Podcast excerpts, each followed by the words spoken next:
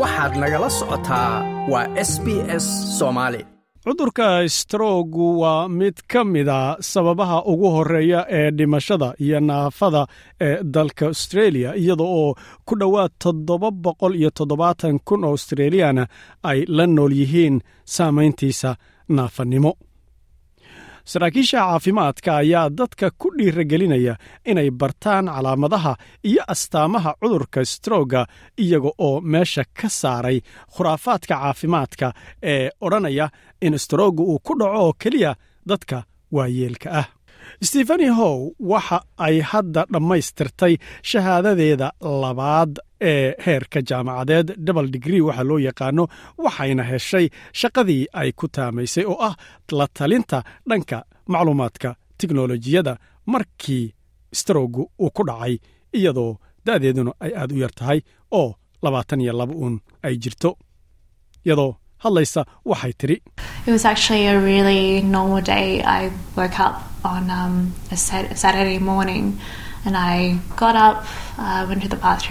and um, I think my mum asked something really trivial. runtii waxay ahayd maalin caadi ah waxaan toosay subaxdii sabtida.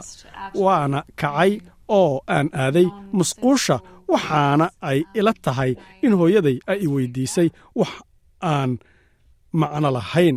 Sida sidee buu ahaa xaalka habeen hore? Kadib waxaa i qabsada bay tidhi maskax buuq dabcan waan ka naxay dareenkeedii ugu horreeyey waxa uu ahaa in dhibkani marka ay dareentay uu yahay saamayn cabbitaanka khamriga uu u geystay iyada. Waxayna tidhi iyadoo hadlaysa mana ayna meesha soo dhiganin in waxaniba uu yahay cudurka strooga ee dadka ku dhufta ee markaasi naafiya amaba sidoo kale mararka qaarkood looba dhinto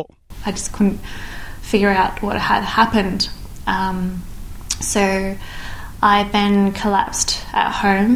Uh, luckily, my fam- family were there, so they were able to rush me into hospital. And then, um, yeah, they found that I had a really severe stroke. ma garan karin ayay tidhi waxa dhacay markaas ayaan guriga ku dhacay nasiib wanaag qoyskayga waa ay joogeen marka waxay awoodeen in ay si degdega isbitaalka iigula cararaan kadibna waxa ay ogaadeen in stroog daran igu dhuftay.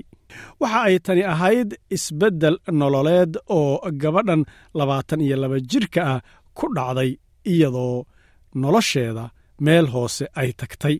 Waxayna tidhi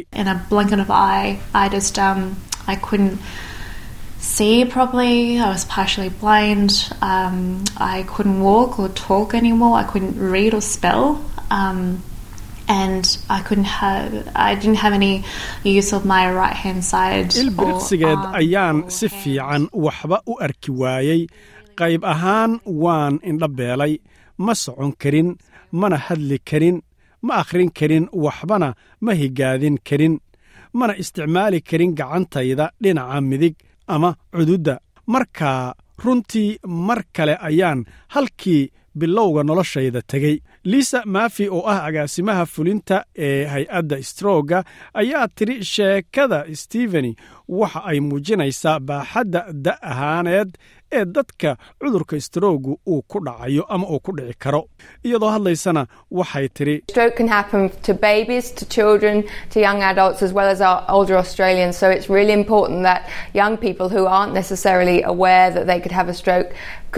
stroke. stroogu wuxuu ku dhici karaa bay tidhi dhallaanka carruurta da'da yar iyo sidoo kale dadka waaweyn ama waayeelka ah ee australiyaanka ah. Marka runtii waa muhiim in dadka da'da yar ee aan ka warqabin inuu stroogu ku dhici karo lagu wacyigeliyo ayay tidhi inuu ku dhici karo cudurkan strooga ahi. Waxyaalaha halista u ah strooga ama cudurkaani aad bay u badan yihiin waxaana ka mida dhiikarka iyo sidoo kale kolestaroolka haddii qofku sidoo kale sonkor qaybta taybtu la yidhaahdo uu qabana halis buu u yahay sigaarka sidoo kale cabbitaankiisa ayaa halisaha ka mid a. Khamriga cabbidda xaddhaafka ana way ka mid tahay. Dhaqdhaqaaqa amaba jimicsiga oo qofku uusan samayninna dhib bay u keeni kartaa. Cunta xumaantuna culays ayay iyaduna keentaa hay'adda arrimaha strooga ayaa waxa ay ku dhiirigelinaysaa dadka australiyaanka ah inay wadaagaan fariinta la yidhaahdo fast la yidhaahdo. Marka waa f a s t oo erey kasta uu macno leeyahay. Marka ay timaaddo aqoonsiga calaamadaha strooga xusuusta ayay leedahay. Hay'addani oo ay u hadlayso lisa mafi waxa ay leedahay erayadan la soo gaabiyey ee fasta ah xusuusta iyadoo erayada macnaynaysana waxa ay tiri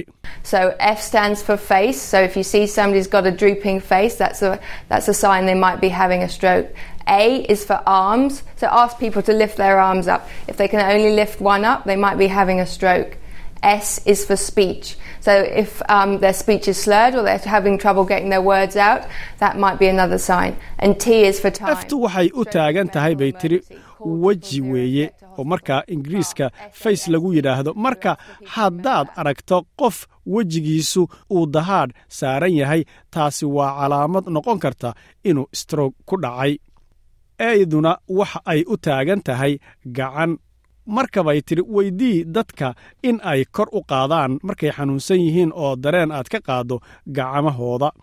Haddii keliya ay karaan inay hal gacan kor u qaadaan waxaa dhici karta inuu ku dhacay strooga estu waa dhanka iyaduna hadalka oo sbiijka la yidhaahdo. Marka haddii hadalkoodu uusan caddayn bay tiri ama ay culays ku tahay in ay odhaahdooda ay soo saaraan waxaa dhici karta taasi in ay tahay calaamadihii strooga tiida ugu dambaysana waa wakhtiga oo taimka ah. Marka stroogu waxa ay tiri waa xaalad caafimaad oo deg dega marka waa in la wacaabay tiri tribal zero saddexda eber ee laga yaqaano dhibaatooyinka khatarta ah loo waco dadka ha loola carara ayay tiri isbitaalka fast si deg dega markaas. Waa dhambaal aan rabna bay tiri dadku in ay xusuustaan. Stephen hoy waxa ay saddex bilood ku qaadatay isbitaalka iyada oo martay qalliin weyn oo dhanka maskaxda ah kadib waxay noqotay inay dib u barato xirfadaha asaasiga ah ee nolosha bani'aadanka sida socodka hadalka iyo akhriskaba toban sana kadib markii stroogu uu ku dhacay waxay hadda tahay qof naafa joogto ah iyadoo markaana aan isticmaali karin gacanteeda midig. Waxay sidoo kale si joogta ah ula kulantaa xanuun joogto ah daal iyo arrimo dhanka isudheelitirka jidhkeeda ay ka mid yihiin. Laakiin waxay sheegtay oo ay aad ugu faraxsan tahay inay maskaxdeedu u badbaaday oo cudurku keliya uu jidhkeeda uun naafiyey iyada oo baxnaaninteeduna ay weli socoto dhakhaatiirtu waxa ay la yaaban yihiin inta ay la eg tahay xirfadda jirkeeda ee ay ku guulaysatay inay dib u soo ceshato. Iyadoo hadlaysa gabadhu waxay tidhi sidaas darteed waxaan u malaynayaa in noloshu ay aad u wanaagsan tahay waxaana naftayda u arkaabay tidhi mid nasiib badan iyadoo markaas qiimaynaysa waxa ku dhacay iyo waxa ay soo ceshatay. Nasiib wanaag stephen qoyskeeda ayaa ka ag dhowaa maalintii dhacdadaasi xanuunka badnayd ay haleeshay iyagoo awooday inay si deg dega isbitaalka ugula cararaan. Cudurkan ayaa haddii qofka marka uu ku dhaco aan isbitaal si degdega loogula cararin sida takhaatiirtu ay caddaynayaan culaysyo badan keeni kara dhibaatana halkaasi dhaxalsiin kara oo geeri gaadha amaba dhaawac aad u weyn uu haleeshiiyo qofka uu ku dhacay. Khubarada caafimaadku waxa ay qiyaaseen in qofka dhibanaha u ah cudurka strooga in uu waayayo oo strooga uu dilayo hal dhibic sagaal milyan oo unugaha maskaxda ah daqiiqo kasta oo maraysa marka uu ku dhaco haddii uusan qofku si deg dega ku helin daryeel caafimaad. Ma doonaysaa sheekooyinkan oo kale ka dhegayso apple podcast google podcast spotify ama meel kasta oo aad bodkastigaaga ka hesho